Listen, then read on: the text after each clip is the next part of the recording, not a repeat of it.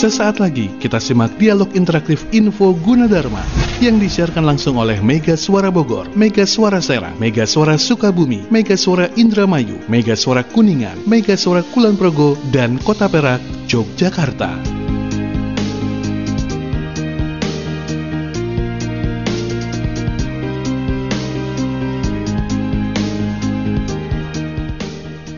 Assalamualaikum warahmatullahi wabarakatuh. Selamat pagi. Hari Rabu jam 9 Info UG kembali lagi. Saya Mardika Adi Menemani Anda yang ada di Bogor Serang, Sukabumi, Indramayu, Kuningan, Kulon Progo, Kota Perak, Yogyakarta. Ya Juga yang mendengarkan di UG Radio Dan menyaksikan langsung di UG TV dan MGS TV ya. Alvin sudah ada di Studio Gunadarma di Depok sana. Selamat pagi Alvin. Selamat pagi. Kayaknya Alvin lagi flu ya ini ya Iya. ini Alvin apa komeng ini? Lagi, flu. Lagi flu. Ini karena memang banyak banget ya teman-teman yang mungkin kurang fit uh. di peralihan musim ini. Ini kan peralihan musim semi ke musim gugur soalnya kan. Winter. Sama siapa Alvin sekarang Udah pagi hari ini? flu-nya Dika? Udah hampir tiga bulan kayaknya. Waduh, itu nggak lama lagi berarti. Nggak lama lagi sembuh sembuh. ada siapa Alvin di sana ngobrol pagi hari ini? Hari ini ada narasumber uh, beliau ini aslinya dari daerah yaitu dari daerah Jambi. Okay. Nanti kita akan ngobrol-ngobrol tentang Jambi. Bagaimana cara investasi bisnis di Jambi? Loh, loh, loh, oh, loh. Bukan, bukan, bukan, bukan. bukan, bukan, bukan. Iya. Ini kan udah September, ya kan? Pendaftaran masih buka apa enggak? Ya. Itu kalian ditanyain. Iya, jadi pe perkuliahan ini dimulai pada tanggal 26 September. Oke. Okay. Nah, tapi sebelumnya ini masih banyak yang bingung kan, mm -hmm. masih banyak yang kemarin juga di pendaftaran online masih banyak yang salah, gagal mm -hmm. di pendaftaran. Mm. Jadi ini ada kesempatan di gelombang terakhir sampai uh, akhir September. Oke. Okay. Gitu. Sip, silahkan Alvin. Okay. Kalau begitu info Baik. UG. Terima kasih Mardika Adi di Bogor dan teman-teman di tujuh stasiun radio Mega Suara Network yang ada di tujuh kota, tiga provinsi. Selamat pagi juga yang ada di UG Radio. Apa kabar juga untuk Anda yang sedang menyaksikan UG TV Jabotabek, kemudian juga MGS TV Sukabumi. Hari ini kita akan berbincang-bincang kembali tentang uh, Gunadarma tentunya Iya, bersama saya hari ini sudah hadir ada narasumber yang tadi sudah diperoloh sama Dika. Beliau ini dari Jambi, nanti kita akan cerita-cerita tentang pengalamannya dari Jambi kok bisa nyampe Depok. Ada Ibu Dr. Murniati Eskom MMSI. Sehat Ibu, apa kabar? Alhamdulillah sehat. Aduh, udah berapa lama di Depok, Bu? Aduh. dari tahun 96 ya sampai Wah. sekarang lulus SMA berarti udah hampir berapa puluh tahun tuh. Waduh, dari 96 ya. Oke, Ibu kalau sehari-harinya kesibukannya ngajar udah pasti. Ngajar ngajar apa, Bu? Ya. Uh, Alhamdulillah dari lulus S1 sampai lanjut kuliah di mm -hmm. S2 itu sudah membantu sebenarnya awalnya membantu dosen ya untuk mengajar mata kuliah sistem basis data dan lanjut uh, saya diberi kesempatan untuk melanjutkan biaya uh, kuliah hmm. uh, di S2 ya setelah selesai menjadi dosen tetap di Universitas Gunai Dharma hmm. mengampu mata kuliah yang berbau-bau database. Waduh, database itu mahal loh Bu ya. Kok bisa Ibu uh, bidangnya di database? Database hubungannya dengan kalau di Gunadarma uh, dengan fakultas apa ya? Ya, komputer berarti sebenarnya dong. ya kalau di mata kuliah dasarnya memang masuk ke mata kuliah di fakultas-fakultas yang terhubung dengan komputer ya mm-hmm. ada di SI, TI tapi di uh, saya sempat juga ngajar di uh, jurusan lain ekonomi itu ada mata kuliah pengantar jadi pengantar basis data jadi oh, karena okay. di Gunadarma itu kan kita memang basisnya basis IT ya mm-hmm. jadi memang untuk semua fakultas untuk materi-materi dasar pengenalan ya mau pengenalan komputer komputer sampai internet sampai ke database. Mereka dapat mata kuliah pengantar database. Pernah ngajar itu. Hmm. dari pengalaman ibu Murni menjadi dosen uh, di database dan juga meng, uh, apa mempelajari tentang database. Menurut Bu Murni secara pengalaman seberapa penting itu database? Oh. Ya kalau saat ini ya kalau kita bicara database itu ya uh, penting banget ya hmm. apa pun ya di dunia komputer sekarang tuh uh, kaitannya dengan database itu sangat lekat ya hmm. contohnya aja misalkan nih ya kita mau bikin aplikasi atau mau bikin suatu sistem ya kita akan melihat dulu kan mulai dari mengambil data gitu kan oh. kita mulai dari mm, analisis ya data yang kita butuhkan itu seperti apa Nah itu mulai ya itu kita harus paham oh, termasuk dulu. analisis datanya juga ya? Ya di awal itu kita uh, pahami dulu ya kebutuhan dari aplikasi hmm. dan sistem itu seperti apa. Nanti hmm. akan ada terkait dengan database gitu ya data-data yang kita butuhkan untuk membangun suatu aplikasi atau sistem tersebut. Oke, analisis data itu maksudnya menganalisis seperti apa? Bu? Ya, jadi kalau misalkan kita membangun suatu sistem, ya, hmm. ya, misalkan sistem uh, pendaftaran mahasiswa baru nih di Gunadarma gitu kan, hmm. kita harus paham ya, waktu uh, kita mendesain sistem itu, kita butuh ya uh, data apa saja yang akan diinput oleh calon mahasiswa, ya, yeah. dan data apa saja nanti yang akan disimpan oleh uh, sistem gitu ya, terhubung dengan sistem yang mau kita buat. Jadi itu okay. kita mulai dengan kebutuhan menganalisis kebutuhan data dari suatu sistem tadi. Oke, okay.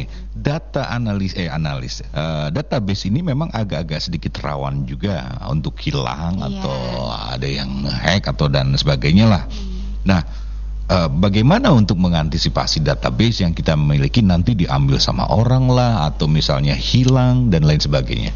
kalau di kita di mata kuliah sistem basis data tuh biasanya mahasiswa dapat uh, suatu materi tentang security, Mas. Oh, Jadi nanti ada bahasan okay. tentang security ya. Bagaimana kita memberikan uh, pengamanan terhadap database, mulai dari mungkin kita uh, meminta kepada user ya mendesain suatu password ya username dan password dan ada yang namanya otoritas. Jadi masing-masing user itu diberikan otoritas atau privilege ya uh, hak aksesnya dia terhadap data itu sejauh mana. Okay, Jadi okay. ada yang namanya nanti materinya di security dan ada beberapa teknik yang memang uh, kita ajarkan nanti ke mahasiswa untuk materi security tersebut. Oke, okay. privilege itu misalnya gini ya bu ya, ada tiga orang hmm. atau ya tiga orang lah misalnya, mereka punya password tersendiri atau password yang sama atau gimana? Ya pasti untuk kalau, mengakses itu. Ya kalau user user ID gitu ya sama password kan pasti tiap orang punya user dan password berbeda. Oke okay, nah, oke. Okay. Yang disebut dengan privilege itu jadi kalau misalkan kita memberikan hak akses kepada user A, kita harus tahu dia hak aksesnya sebatas apa. Oh, Hanya boleh ya. melihat atau boleh menginput, memasukkan, menambahkan data atau yeah. sampai boleh update hmm. atau delete dari hmm. database yang kita punya. Itu namanya privilege biasanya. Oh, pantesan. Jadi uh, iya, iya, iya, uh, admin ya, kalau kita sebutnya admin atau DBA database administrator itu akan memberikan hak akses dan beserta hak uh, username dan hak aksesnya gitu. Jadi kita tahu misalnya Mas Alvin hmm. Sebagai end user hanya boleh melihat saja mm-hmm. atau hanya sebatas boleh memasukkan atau mengupdate uh, nomor telepon. Jadi kita hanya memberikan kolom mana atau field oh, mana yang boleh okay. diakses atau diupdate oleh uh, user tertentu. Iya, iya, iya, iya, iya, betul, betul. Karena memang saking saking security-nya harus ya. ketat memang begitu ya, Bu ya. Nah, sekarang kalau misalnya ada mahasiswa, wah ternyata memang database ini uh, im, uh, penting ya gitu ya. Ada mahasiswa yang pengen masuk mendalami masalah database. Nah, sekarang kan lagi musim pendaftaran mahasiswa baru. Ke mana mereka harus masuk? Fakultas mana dan jurusan apa gitu, Bu? Sebenarnya di kita memang uh, belum ada ya jurusan khusus untuk uh, data analis atau data science gitu ya. Tapi uh, itu nanti akan diajarkan ya tadi di jurusan-jurusan yang terkait dengan komputer ya. Okay. Uh, di SI ada, di TI ada ya. hmm. ya. Jadi emang ada beberapa fakultas yang dapat mata kuliah dari SBD. Uh, nah, kita nyebutnya SBD ya, sistem basis data. Mata kuliah itu nanti mereka dapat malah sampai tiga semester. Jadi SBD 1, SBD 2 sampai SBD lanjut advance gitu ya. Jadi memang mereka di awal eh, di awal memang dikenalkan dulu apa sih yang disebut dengan database sampai dia bisa menjadi suatu sistem yang namanya sistem database. Mm-hmm. Terus nanti masuk ke sistem basis 2 lebih ke arah perancangannya gitu ya. Mm-hmm. Nanti advance-nya lanjutnya mereka lebih diarahkan untuk bisa mengimprovisasi lagi tentang database lebih dalam. Oke. Okay. Kalau fakultas komputer ini Uh, namanya fakultas apa bu kalau komputer itu? Teknologi informasi. Oh, teknologi, fakultas ilmu komputer ilmu, dan teknologi informasi. Okay. Kalau uh, fikti ya. Fikti ya. Nah, fikti itu ada berapa jurusan bu? Kalau fikti itu sendiri kan kita mulai dari sistem informasi ya. Oke. Okay. Terus ada teknik komputer. Uh -huh. Terus ada D3-nya itu ada D3 manajemen informatika dan D3 hmm. teknik komputer. Oke, okay. ada syarat khusus nggak untuk masuk uh, mahasiswa baru yang ingin masuk bergabung ke Fakultas Ilmu Komputer dan Teknologi Informasi? Ya, kalau jurusan SI gitu ya, uh, terutama jurusan SI dan Teknik Komputer biasanya memang karena backgroundnya atau basicnya kita akan uh, belajar banyak uh, logika ya matematika. Jadi oh, okay. komputer itu kan sebenarnya dasarnya kan memang kita memahami algoritma. Oh. Jadi memang diharapkan memang mahasiswa yang mampu gitu ya uh. untuk uh, penalaran untuk algoritma yang lebih dalam gitu ya. Jadi kita memang dibatasi untuk uh, jurusan SI itu diharapkan memang yang backgroundnya dari IPA. Oke. Okay. Tapi tidak untuk kemungkinan kalau mereka mampu gitu ya, mereka bisa ikut tes gitu ya, ikut tes uh, kan kita ada tes potensi Walaupun apa. bukan IPA. Iya. Oh, Oke. Okay. Kalau mereka jurusannya poten apa jurusannya dari IPS atau jurusan uh, humaniora yang lain gitu mm -hmm. ya, mhm. sosial itu bisa uh, ikut tes tes potensi akademik nanti kita akan lihat kemampuannya kan ada matematika gitu ya bahasanya untuk uh, menilai apakah mereka bisa nanti mengikuti uh, jurusan yang mereka pilih. Iya, karena kalau dipaksain juga kasihan iya. mahasiswanya ya bu ya. iya betul. Terus uh, apa soalnya uh, jiwanya di mana gitu ya. Jangan sampai kalau misalnya nggak suka, bukan hanya sekedar suka mungkin ya, tapi mampu juga ya. Iya, Itu adalah basicnya. Oke, Bu Murni, nanti kita akan lanjutkan kembali tentang uh, pendaftaran di Universitas Gunadarma. Kita harus break dulu ya, Bu ya. Iya. Dan pemirsa juga pendengar, kita akan break dulu. Nanti akan kita lanjut-lanjut bincang-bincang kita di kesempatan hari ini dengan Ibu Dr. Murniati Eskom MMSI setelah yang akan kami informasikan kepada Anda. Jangan ke mana-mana, info Gunadarma akan kembali setelah beberapa informasi berikut ini.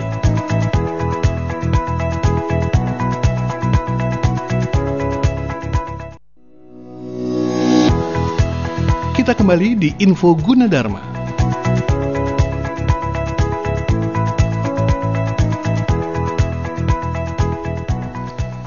Kembali lagi di Info UG. Buat yang baru saja bergabung ya, terutama buat yang lagi di Bogor, Serang, Sukabumi, Indramayu, Kuningan, Kulon Progo, Kota Perak, Yogyakarta. Juga mungkin mendengarkan di UG Radio dan menyaksikan langsung di UG TV dan MGS TV ya. Ada Alvin di studio Gunadarma di Depok sana. Alvin, ada pertanyaan ini dari sahabat Mega Sore yang ada di Bogor, namanya Egi ya. Pertanyaannya apa saja sih yang dipelajari selain soal data tadi kalau kuliah di Fakultas Ilmu Komputer? Itu pertanyaannya Alvin. Silahkan. Oke, baik. Terima kasih uh, Dika. Dan selamat pagi Egi. Menurut Bu Murni Egi Bapak, Ibu, Mbak atau Mas? Sepertinya Mbak ya. Mbak, bener nih Egi nih. Oke, ada pertanyaan Ibu Murni uh, dari Egi. Saya juga nggak tahu nih bapak atau ibu atau mbak atau mas. Egi di Bogor tentang fikti ya Fakultas Ilmu Komputer dan Teknologi Informasi. Selain mempelajari tentang uh, basis data tadi, analisis data dan lain sebagainya, akan apa yang mereka pelajari selama empat uh, tahun itu? Ya. Uh, kalau bicara empat tahun ya delapan semester itu banyak sekali ya mata kuliah yang kita tawarkan di mahasiswa. Nah karena memang jurusannya SI atau fikti gitu ya atau tadi uh, teknik komputer ya. Hmm. Kalau di SI itu mata kuliah selain database gitu ya, mereka uh, mahasiswa itu diharapkan SI itu kan nanti diharapkan mereka bisa menjadi seorang analis sistem. Oke. Okay. Ya, uh, mereka bisa uh, mendesain ya, hmm. mendesain suatu sistem ya, nah, atau nanti bisa uh, membuat suatu sistem yang memang uh, diharapkan disesuai dengan kebutuhan user nantinya. Hmm. Nah, otomatis mata kuliah yang memang kita ajarkan ke mahasiswa itu backgroundnya yang terkait dengan sistem tadi. Iya betul. Mulai dari uh, pengantar sistem informasi ya di dasar itu biasanya semua mata kuliah itu pengantar pengenalan gitu hmm. ya. Nanti lanjut ke uh, semester du, uh, tingkat 2 atau tingkat 3 itu udah mulai ke apa namanya ke penjurusannya lah istilahnya ya. Mm-hmm. Jadi mata kuliah mata kuliah sistem itu lebih diperkuat. Jadi ada mata kuliah perancangan sistem informasi, mm-hmm. mata kuliah nanti masuk ke proyek pengelolaan proyek sistem informasi sampai ke nanti uh, testing dan informasi sistem gitu ya. Jadi me mereka setelah membuat itu harus me bisa memahami uh, tentang pengujian terhadap sistem tersebut. Yeah. Selain itu juga diajarkan mata kuliah terkait dengan jaringan komputer. Jadi komunikasi ya, komunikasi oh. antar sistem gitu ya. Ada mata kuliah jaringan komputer, ada komunikasi data. Jadi uh, banyak ya mata kuliah yang memang diharapkan bisa menunjang ya suatu uh, lulusan Gunadarma ter terutama lulusan sistem informasi itu bisa memahami betul apa saja ya mata kuliah-mata kuliah yang terkait dengan ya, sistem informasi. Jadi se sebenarnya kan kalau sistem kan bukan kita pahami tentang hardware saja, jadi ya. softwarenya juga. Dan mata kuliah-mata kuliah programmer ya, pemrograman gitu ya, ada mata kuliah yang memang mendukung untuk bisa mendesain sistem uh, hmm. dengan basisnya program-program yang uh, terkini gitu. Iya, iya, iya.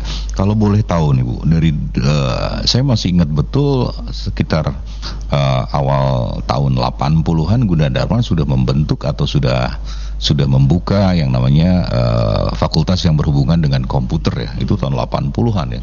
Ternyata baru terasa sekarang ya. Nah, nah, dari perjalanan dulu sampai sekarang uh, bagaimana peminatan terhadap Fakultas Ilmu Komputer dan Teknologi Informasi dan juga Sistem Informasi dari setiap tahun, terutama mahasiswa baru.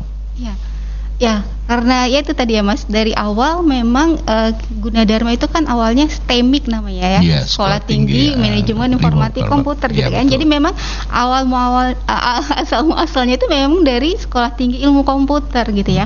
Jadi uh, semua ya mata kuliah yang memang ditawarkan itu adalah mata kuliah yang terkait dengan komputer ya. Dari hmm. dari awal sampai sekarang tuh peminatnya terus meningkat karena memang dunia sekarang ya orang diharapkan memang melek ya yeah, iya. ICT yeah. istilahnya ya hmm. uh, dunia-dunia yang terhubung dengan uh, komputer gitu ya hmm. kita zaman sekarang hidup tanpa komputer, komputer iya, laptop yeah, gadget. Uh, gadget gitu kan kayaknya uh, hampa gitu ya yeah, bener, dari bener. anak yang kecil dari uh, awal gitu kan hmm. mereka sudah mengenal uh, ICT tadi ya hmm. uh, teknologi informasi gitu. hmm. nah itu memang ya peminatnya selalu meningkat. Karena memang saat ini pun kan selalu dibutuhkan ya di, di setiap instansi ya pemerintahan ataupun perusahaan ataupun ya uh, warung sampai warung hmm, baru kecil itu masih bener. membutuhkan uh, aplikasi gitu ya yang nah. bisa menunjuk uh, menunjang ya kinerja mereka di uh, dunia hmm. ICT tadi ya teknologi hmm. informasi gitu. Ya. Nah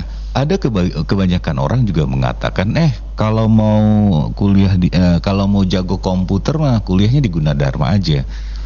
Ya. Tapi ada sebagian orang mengatakan bahwasannya, tapi kan saya nggak minat di dunia komputer. Saya pengen misalnya minatnya di psikologi, saya kayak ya. pengen masuk fakultas kedokteran, saya pengen masuk komunikasi. Nah, hubungannya dengan komputer gimana? Yang dikatakan bahwasannya kalau mau jago komputer masuk Gunadarma aja ya. Hubungannya dengan fakultas lain gimana tuh, Bu? Ya kalau mau uh, jago komputer ke Gunadarma aja ya. Nah. Sebenarnya gini, uh, kalau memang kita tidak minat ke jurusan komputer gitu ya, tadi misalkan mau jadi sistem analis atau mau yeah. jadi programmer uh, gitu ya, atau mau jadi ya orang-orang yang terkait dengan dunia komputer lah ya. Uh. Nah, bisa kita masuk ke jurusan-jurusan yang lain. Tapi tadi ya seperti yang saya sudah jelaskan di awal, ya zaman sekarang itu mana ada sih gitu yeah, ya benar, uh, orang yang uh, lepas dari informasi teknologi uh. tadi gitu kan ya. Jadi memang di di apa di beberapa fakultas fakultas kita gitu ya di Gunadarma itu selalu ada ya mata kuliah yang memang kita kaitkan dengan uh, mata kuliah mata kuliah ICT tadi. Oh, Seperti okay. uh, eh, saya pernah ngajar di uh, jurusan pariwisata. Mm -hmm. Ya, di pariwisata itu kita ada mata kuliah namanya Sistem Informasi Pariwisata. Jadi oh, memang okay. ya ada uh, di dunia pariwisata aja kayak kayak, kayak kita kan sekarang misalkan lihat ya uh, promosi uh, wisata Indonesia gitu kan ya kita hmm. ada uh, banyak ada aplikasi hmm. untuk uh, kayak apa traveloka, traveloka gitu kan ya. Uh, terus ada juga website tentang daerah-daerah tujuan wisata. Nah itu kan uh, memang kita pahami ya kalau untuk beberapa bagian-bagian uh, ya kayak tadi pariwisata atau jurusan ekonomi di ekonomi juga ada sistem informasi akuntansi gitu ya, kan ya. Iya, iya. Jadi memang eh, nggak uh, lepas dari yang hmm. tadi namanya sistem informasi tadi ya. ya. Ada bagian-bagian yang pasti terkait lah dengan informasi teknologi itu tadi mas. Iya makanya bukan berarti uh, fakultas lain tidak mempelajari iya, komputer uh, karena iya. mungkin uh, maksud daripada kalau mau jago komputer masuk guna adalah artinya adalah bukan. fakultas lain atau program studi lain itu adalah berbasis kom komputer. Komputer iya. ICT base itu ICT ya bu ya. Betul. Nah sekarang kan ini uh, seperti yang di awal tadi saya ngobrol sama Mas Dika bahwasannya ini kan udah masuk September, biasanya pendaftaran udah mulai tutup dan perkuliahan juga udah akan dimulai. Kalau Gunadarma atau secara umum tanggal 26 September 26 ya. 26 September kita baru mulai. Nah, sekarang menuju tanggal 26 September ini apa yang harus dilakukan terutama mereka mahasiswa baru? Apakah harus mengikuti jalur online atau datang langsung atau tes post, uh, tes akademik atau gimana nih untuk pendaftaran mahasiswa ya. baru? Untuk pendaftaran kita masih menunggu ya teman-teman hmm. mahasiswa yang mau mendaftar di Universitas Gunadarma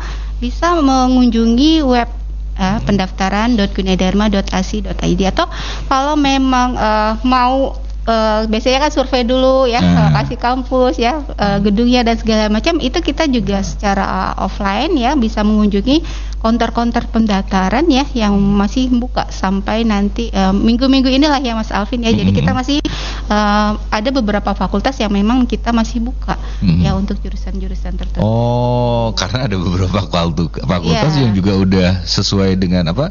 Kuota, kuota berarti udah tutup. iya. Oh iya. Jadi walaupun dipaksain ini walaupun masih dibuka pendaftaran kalau kuotanya udah habis yeah. berarti nggak bisa ya. ya.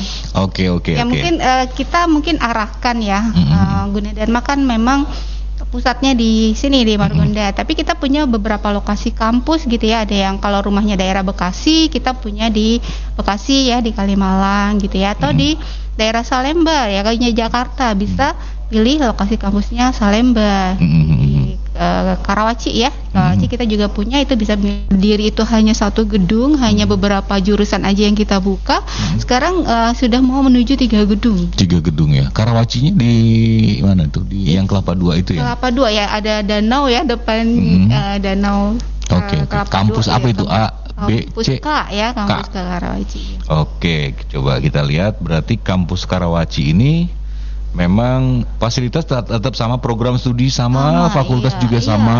Nah, yang tadi Bu Murni bilang takutnya yang di Depok misalnya mau masuk fikti udah udah full kuotanya udah habis mungkin di di Karawaci belum ya, masih ada kesempatan iya. gitu ya. Bisa dicek nanti di web di, di web itu ya. Oke. Okay. Uh, eh, pendaftaran berarti Nanti kalau pada saat pendaftaran itu secara otomatis kita memilih kampusnya pengen di Karawaci, pengen di Depok dan lain sebagainya atau gimana? Nah, iya kalau misalkan tadi seperti yang saya info ya Mas Api nanti waktu kita sudah daftar kan kita akan memilih jurusan ya. Mm-hmm. Jurusan itu kan nanti ada lokasinya. Nah, Oke. Okay. Ada lokasinya misalkan SI Depok, SI Kalimalang, SI Karawaci ya. Jadi kita bisa milih dua Okay. Ya, jadi mahasiswa itu kita arahkan boleh memilih dua jurusan dengan dua lokasi gitu ya tadi. Oh, okay. Jadi kalau misalkan dulu uh, tadi SI atau TI gitu ya, hmm. pilihan pertamanya Depok. Kalau memang kuotanya nanti sudah cukup gitu ya, hmm, ya, akan kita alihkan ke pilihan kedua gitu mas. Oh, oke. Jadi di, kayak misalnya kalau belanja online kali, ya. size S-nya udah gila, habis. udah habis, nggak jadi nggak bisa dipilih karena memang udah habis gitu ya bu ya. kalau di sini bisa, kita bisa pilih lokasi yang bisa ya kita bisa pilih lokasi dan jangan khawatir tadi kalau misalkan ya yang Depok penuh gitu ya jangan khawatir pasti fasilitasnya sama nah. ya lulusnya pasti sama Gila. barengan kalau kita kan sistemnya kalau di Gunadarma itu kan mata kuliah paket gitu ya tiap uh. semester itu ditawarkan sama mau Depok Karawaci Kalimalang gitu ya Bekasi mm -hmm. atau mana itu semua mata kuliah itu sama yang kita tawarkan jadi jangan okay. khawatir kalau yang dapat lokasi yang Nah, jadi kebetulan ada yang uh, di Radio Mega Suara Serang Banten nih. Itu kan deket ke Karawaci. Mm -hmm, nah, daripada iya, ke Depok ya Bu ya. Iya. Oke, selamat pagi untuk uh, ibu-ibu, bapak-bapak dosen yang ada di Karawaci. Ibu juga sering ke sana ya Bu ya? Ya, ngajar juga ngajar, di sana ya. Jadi di Karawaci. Uh, di Karawaci. Oke, Ibu Murni nanti kita lanjut lagi tentang informasi Gunadarma di kesempatan hari ini. Kita sampai punya waktu sampai jam 10 nanti ya Bu ya. Dan pemirsa dan juga pendengar, saya akan kembali untuk Anda dan kita masih berbincang-bincang dengan narasumber kita di kesempatan hari ini. Ada Ibu Dr. Murniati Eskom MMSI. Saya akan kembali untuk Anda setelah beberapa informasi berikut ini. Jangan ke mana-mana, info Gunadarma akan kembali setelah beberapa informasi berikut ini.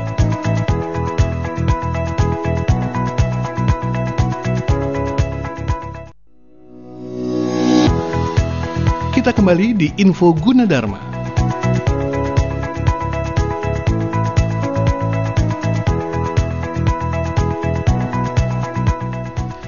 Sesi terakhir ini di Info UG ya. Alvin di Studio Gunadarma. Ini ada satu pertanyaan terakhir dari Saud Mega Suara. Ini masih dari Bogor juga.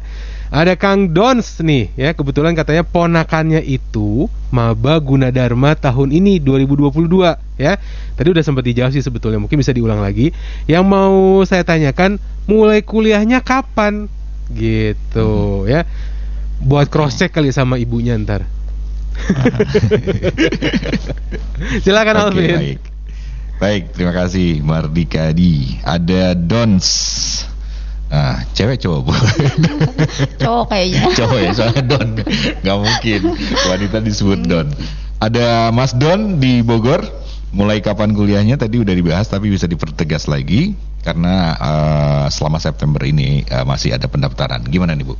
Ya, baik buat Mas Dons yang di Bogor ya. Sebenarnya untuk informasi mulai perkuliahan itu Mas Dons kan uh, anak zaman Noel. Wah, Ikutin aja ya. Kita punya info ya ada IG ya, hmm. ada web gitu kan ya.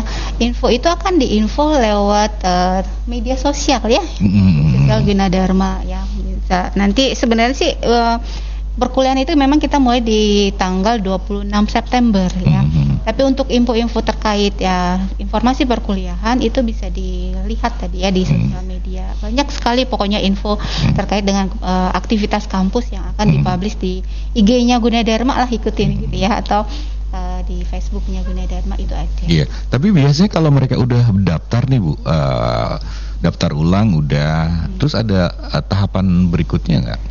Setelah daftar ulang itu dia mereka ini ngapain gitu? Ya, uh, kalau setelah daftar ulang kan uh, mereka akan dapat jadwal hmm. namanya PPSPT ya. Jadi hmm. ada jadwal uh, yang akan diberikan uh, untuk uh, kapan mereka ada kegiatan orientasi sebenarnya namanya ya. Nah, hmm. itu kalau dulu ospek, ospek gitu ya, ya. pengenalan nah, kampus gitu kalau ya. sekarang kan namanya PPSPT. Nah, hmm. itu nanti akan ada informasi lebih lanjut ya.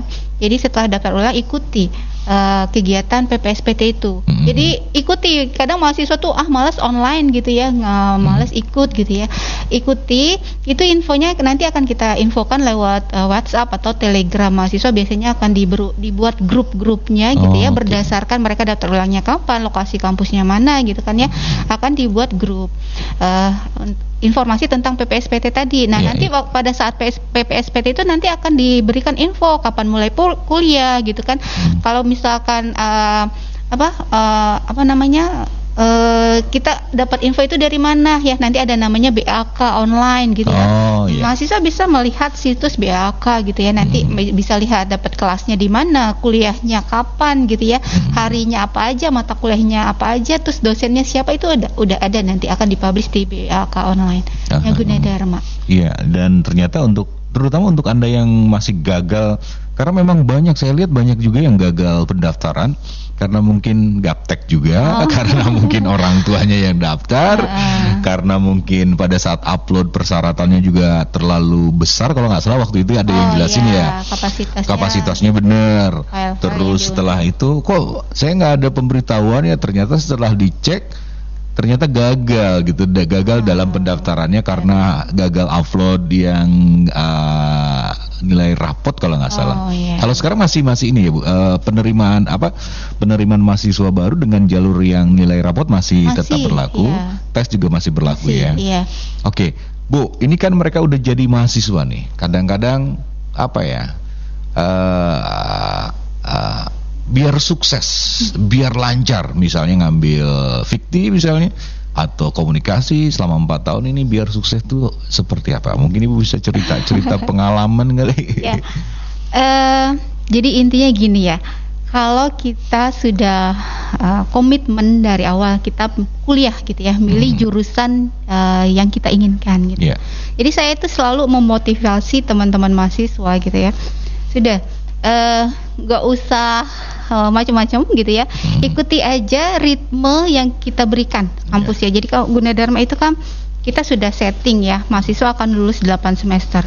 Jadi kalau sudah diberikan uh, eh, 8 semester di mata kuliah yang kita tawarkan itu ikuti, ikuti hmm. semua ritmenya gitu ya.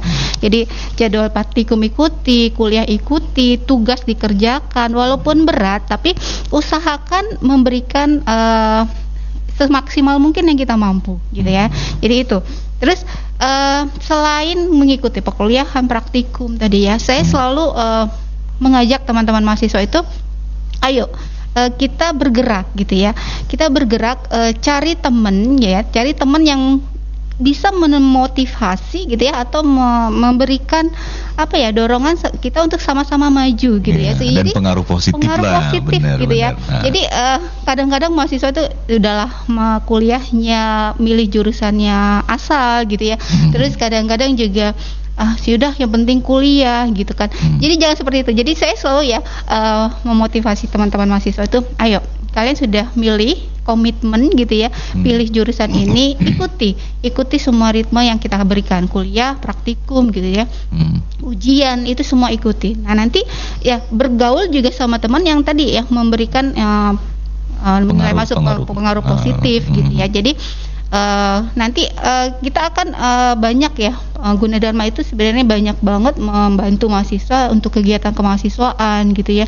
Kita pokoknya banyak fasilitas yang bisa uh, apa ya mau me, me, apa ya soft skillnya mahasiswa itu loh. Jadi mendorong gitu ya kegiatan-kegiatan untuk bisa memajukan atau keinginan mereka untuk bersosialisasi gitu. Iya, betul. Teman-teman mahasiswa bisa mengikuti kegiatan ada BEM gitu ya. Terus nanti ada bisa ikut uh, part timer part timer yang disediakan Gunadarma ini lihat di Gunadarma kan banyak sekali ya kayak counter pendaftaran itu yang jaga mahasiswa-mahasiswa. Jadi kita oh. bisa memberikan pengalaman sebenarnya ya. Hmm. Kita bersosialisasi ya, uh, bekerja mulai kerja tim teamwork gitu ya. hmm. ya. Kayak teman-teman di komunikasi juga gitu ya banyak ya yang bekerja uh, sebagai part timer di kampus jadi sebenarnya banyak lowongan ini uh, akhir-akhir ini ya Agustus September ini kalau lihat di webnya atau di sosial medianya Gunadarma itu lagi banyak di pembukaan pendaftaran asisten gitu ya. Oh. Terus uh, iya, jadi kita banyak buka lowongan memang untuk teman-teman. Dan mereka dibayar nanti jadi asisten itu. Ada, ada oh. uang ya istilahnya uang saku lah iya, nama-nama iya, iya. uang saku. Uh. Nah, itu Mas Alvin saya selalu ngajak mahasiswa, ayo uh, IPK bagus, kalian ikuti kegiatan yang ada di kampus. Jadi itu juga menambah ya, menambah ya pengalaman tapi, tapi kalau menurut saya sih jangan ngelihat uh, uangnya, uangnya, tapi yang ibu bilang tadi, ya, pengalaman. pengalaman pengalaman tuh mahal ya, soalnya betul. ya Karena apalagi nanti, sekarang kampus uh, merdeka itu ya bu ya iya betul hmm. nanti juga saat kita uh, sudah mau kerja gitu kan uh, pengalaman ya berorganisasi itu akan dilihat ya di uh, menjadi nilai tambah kita hmm. poin kita untuk ngisi CV gitu ya okay. pernah menjadi asisten atau pernah menjadi part timer apa nah itu uh, menjadi nilai tambah kita untuk hmm. bekerja. Oke okay, berarti hmm. banyak kesempatan juga ya iya. kesempatan untuk ya istilahnya praktek kerja, kemudian ada juga kalau misalnya yang ibu bilang tadi jadi asisten dosen juga dapat uang, penghasilan tambahan gitu iya. kan. Oke. Nah, sekarang kalau misalnya di Gunadarma, kalau yang tadi Bu Murni katakan, jangan lupa belajar, kemudian ikuti ini. Nah, terus mereka berhasil nih, Bu.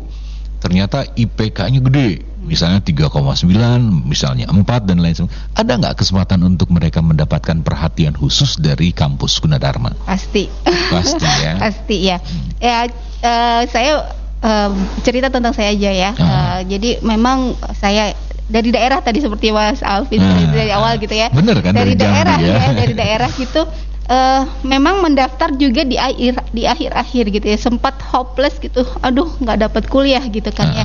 Terus uh, kebetulan ada saudara coba masuk Gunadarma gitu kan ya. Hmm. ya berangkat dari Jambi uh, hanya diantar sama ibu gitu ya. Ya itu oh, belum belum di, belum baru, di Jambi waktu itu posisinya. iya posisi Jambi. Berangkat dari sini itu memang daftar di di gelombang terakhir nih seperti saat ini gitu kan ya. terus uh, cuman saya ingat pesan ibu saya gitu kan ya ya kuliah kuliah yang benar gitu ya. Hmm. Ibu ngambil jurusan apa waktu itu? Uh, kalau dulu namanya manajemen informatika, oh, sekarang sudah SI iya, gitu kan ya. Okay. Makanya saya selalu memotivasi teman-teman yang dari daerah ya, terutama gitu ya. Hmm. kalau kita sudah dipercaya gitu ya sama orang tua gitu ya. iya. ya kuliah yang benar gitu ya. Ibu jadi ingat orang tua ya. Masih ada iya. orang tua? Ah, sudah nggak ada. Sudah nggak ada. Oke. Okay. Jadi bapak ibu udah nggak ada berarti? Ah, bapak masih ada di Jambi. Oke mm. oke. Okay, okay. Nah sampai saya kemarin lulus S3 itu ya itu yang menjadi motivasi gitu ya. Mm-hmm. Ya itu kalau kita sudah komitmen dari awal gitu ya, kita mau jadi orang berhasil gitu ya. Mm. Ya itu kita harus terus maju. Apa pun tantangan ya kita lewati gitu iya, ya. betul betul ya, betul. Seperti itu. Oke. Okay. Intinya adalah seperti Bu Murni bilang. Uh, seorang ibu itu nggak pernah bukan nggak pernah menjerumuskan ke tempat ke hal-hal yang ini termasuk kampus ya pokoknya ikutin aja nih kampus yeah. itu pasti ngasih yang terbaik lah, nggak ya. mungkin menjerumuskan ya. Ada kegiatan ini seminar ikutin. Ya. Kemudian ada kesempatan untuk jadi ini ikutin nih. Itu itu yang yang kunci ya, untuk suksesnya. Pokoknya ya, intinya jangan jadi mahasiswa mageran gitu. ya sekarang kan iya. kuliah online di atas tempat tidur. Iya. Makanya saya kadang-kadang aduh generasi gitu. rebahan loh. generasi rebahan. Gara-gara dua tahun gini terus akhirnya iya, betul. mager ya. Iya.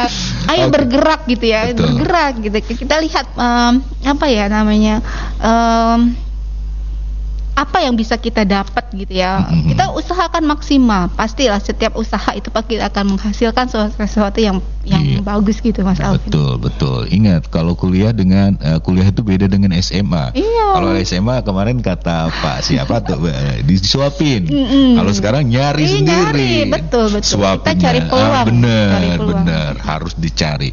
Dan ada kesempatan juga yang Bu Murni bilang selain akademik ada kegiatan-kegiatan non akademik dan itu Akademik. juga kalau berprestasi prestasi ada perhatian iya. khusus juga ya, Bu ya. ya tadi kan kalau ya, kita lihat ya hmm. IPK terutama kan hmm. kalau misalkan mahasiswa berprestasi pasti IPK-nya juga bagus gitu ya. Hmm. E, tadi kesempatan tadi kerja ya kita coba asisten lab terus saya e, kebetulan IPK-nya lumayan bagus gitu ya. Terus hmm. sempat menjadi asisten dosen terus ditawarkan beasiswa untuk dilanjut S2.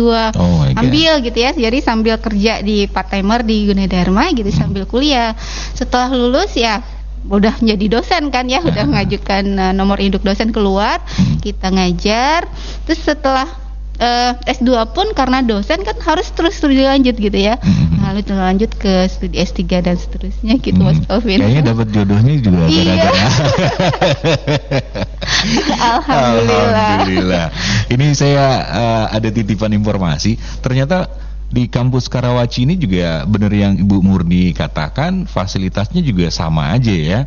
Ini alamatnya di kampus K berarti Bu ya. Uh. Universitas Gunadarma kampus Jalan K. Kelapa Jalan Kelapa 2 Raya dan ini ternyata memang strategis di pinggir jalan. Ya. Dan ada dua gedung Tadi ibu tiga ya? Oh ya, dalam pembangunan. Dalam pembangunan, iya. Iya, ada gedung satu dan gedung dua. Gedung satunya berlantai delapan, gedung duanya ber oh dua belas lantai 12 juga. lantai, iya. Ternyata dan bentuk bangunannya megah, unik dan besar dan ternyata fasilitasnya hampir sama dengan yang ada di apa di, di Depok, Depok ya bu ya, ya dari ruang laboratoriumnya ada ruang kok ada ruang auditorium juga ya? Auditorium ada. Oke jadi untuk anda yang di Karawaci bisa bergabung dengan kampus K Universitas Gunadarma di Karawaci. Bu yang terakhir nih. Uh, kalau tadi tips sukses sudah. Mudah-mudahan didengerin nih. Uh, yang terakhir, kenapa sih kita harus memilih Universitas Gunadarma? Ya, kenapa harus memilih Gunadarma gitu ya? Mm-hmm. Uh, yang pasti gitu ya, kalau kita milih universitas, kita harus lihat dulu akreditasi ya, Mas. Ah, akreditasi. Kita lihat dulu eh, fakultas-fakultas yang ada di universitas itu akreditasinya apa? Karena ini memang sangat di uh, penting ya. Nanti juga kalau misalkan nyari kerja itu perusahaan-perusahaan itu pasti minta akreditasi ya, iya sertifikat sertifikat uh, akreditasi dari jurusan itu biasanya uh, mereka minta lampirkan jadi hmm. kita lihat akreditasinya nah alhamdulillahnya ya Gunadarma itu hampir semua fakultas itu mendapatkan akreditasi A dan unggul gitu ya A dan unggul ya okay. akreditasi nah institusinya juga Universitas Gunadarma adalah universitas yang mempunyai akreditasi hmm. unggul unggul oke okay. Itu adalah yang pertama. Yang Alasan pertama. yang kedua. Nah, yang kedua gitu ya. Yang kedua, kalau saya uh, bandingkan gitu ya dengan universitas-universitas yang memang uh, backgroundnya adalah IT misalkan ya, kita hmm. lihat di Jakarta ataupun di daerah-daerah lain. Hmm. Nah, Gunadarma itu ya uh, fasilitas gedung tersebar di beberapa daerah gitu, di hmm. beberapa Jabodetabek gitu ya. Hmm. Terus uh, dilihat dari mungkin sisi uh, biaya, biaya kuliah. Saya selalu tekankan ke teman-teman calon mahasiswa ya. Biaya yang guna Dharma tawarkan kita bayar satu kali itu sudah mencakup semua. Jadi praktikum nanti nggak ada bayaran oh. lagi gitu ya. Terus nanti ada uang bangunan, hasil uang apa, ya, gitu ya. Jadi sebenarnya ada uang bangunan yang di awal, tapi kita uh, pecah menjadi enam semester. Jadi oh. nggak memberatkan mahasiswa. Kan kalau di tempat lain kecil gitu ya. Ya. Kita distribusikan ke enam semester. Jadi tidak memberatkan mahasiswa atau orang tua. Jadi apa yang kita bayar itu sudah satu semester hmm. bayar sekali itu udah sampai eh, enam bulan ya satu semester itu tidak ada tarikan biaya yang lain gitu ya hmm. kalau di tempat lain kan praktikum bayar ujian bayar gitu kan ada hmm. uh, tambah-tambahan biaya yang lain gitu ya hmm. itu dari sisi biaya Terus mungkin ya itu tadi fasilitas ya, terus gedung ya, hmm. kegiatan kemahasiswaan. Ya pokoknya uh, banyak lah ya yang hmm. bisa kita tawarkan untuk uh, hmm. nilai positif dari Universitas Gunadarma. Oke, okay. dan kunci suksesnya adalah uh, ikuti segala ikuti. macam sesuatu yang ada di Gunadar gitu positif ya. cari tahu cari tahu jangan diem aja jangan, jangan diem aja betul hmm. makanya zaman sekarang kan uh, zaman sosial media gitu ya hmm. di me sosial medianya IG-nya Gunadarma itu yeah. semua tadi yang betul. seminar kegiatan apa MBKM gitu ya pokoknya semua kegiatan kemahasiswaan itu kalau ada pengumuman tuh ayo cepet join gitu ya, uh, daftar gitu ya. Hmm. Jangan takut gitu ya. Saya selalu uh, motivasi teman-teman tuh gitu. nggak apa-apa, kita coba hmm. namanya orang coba kan usaha gitu ya. Hasil ya kita serahkan kepada Betul. yang di atas gitu. Yang penting kita iya, udah usaha. Udah usaha ya. berikan yang terbaik. Betul. Gitu. Jangan lupa gaul juga dengan orang-orang yang membawa Betul. suasana positif. Iya. Karena teman saya yang di Bogor ini auranya negatif terus. Dika maksudnya gue. Jangan takut keluar negatif. Ibu Murni, terima kasih Ibu Murni. Senang sekali. Kapan uh, masih sering ke Jambi? Masih sering. Masih. Kapan-kapan saya ikut ke sana. ah. Makanan khasnya apa Jambi itu, Bu? Uh, hampir sama sama Sumatera Selatan sebenarnya ya, ya, pempek gitu okay, ya. Oke, okay. uh. Siap, baik. Terima kasih Bu Murni sekali lagi ya, dan demikian pemirsa dan juga pendengar bincang-bincang kita dengan orang kampung yang orang sukses. orang daerah yang sukses. Ada Ibu Dr. Murni Yati Eskom MMSI. Beliau ini adalah dosen database untuk uh, di Fakultas Ilmu Komputer uh, dan Teknologi Informasi Universitas Gunadarma. Dan kita kembalikan ke rekan saya yang selalu membawa aura negatif. Ada Mardika Adi, silakan Dika. Terima kasih loh Alvin ya pagi hari ini sangat menginspirasi sekali acaranya ya. Iyalah. bu hati-hati bu, Alvin anaknya udah lima. Cucunya tiga. ya, terima kasih sahabat Mega Suara yang sudah menyaksikan info Yuji pagi hari ini di Yuji TV dan MGS TV yang mendengarkan juga di Yuji Radio dan spesialnya buat yang ada di Bogor, Serang, Sukabumi, Indramayu, Kuningan, Kulonprogo, Kota Perak, Yogyakarta. Insya Allah hari Sabtu ya info Yuji masih ada jam 9 pagi. Saya Mardika Adi, selamat pagi. Wassalamualaikum warahmatullahi wabarakatuh. Baru saja kita simak info Gunadarma yang disiarkan langsung oleh Mega Suara Bogor, Mega Suara Serang, Mega Suara Sukabumi, Mega Suara Indramayu, Mega Suara Kuningan, Mega Suara Kulon Progo, dan Kota Perak, Yogyakarta. Dengarkan terus info Gunadarma di Mega Suara Network setiap hari Rabu dan Sabtu jam 9 pagi.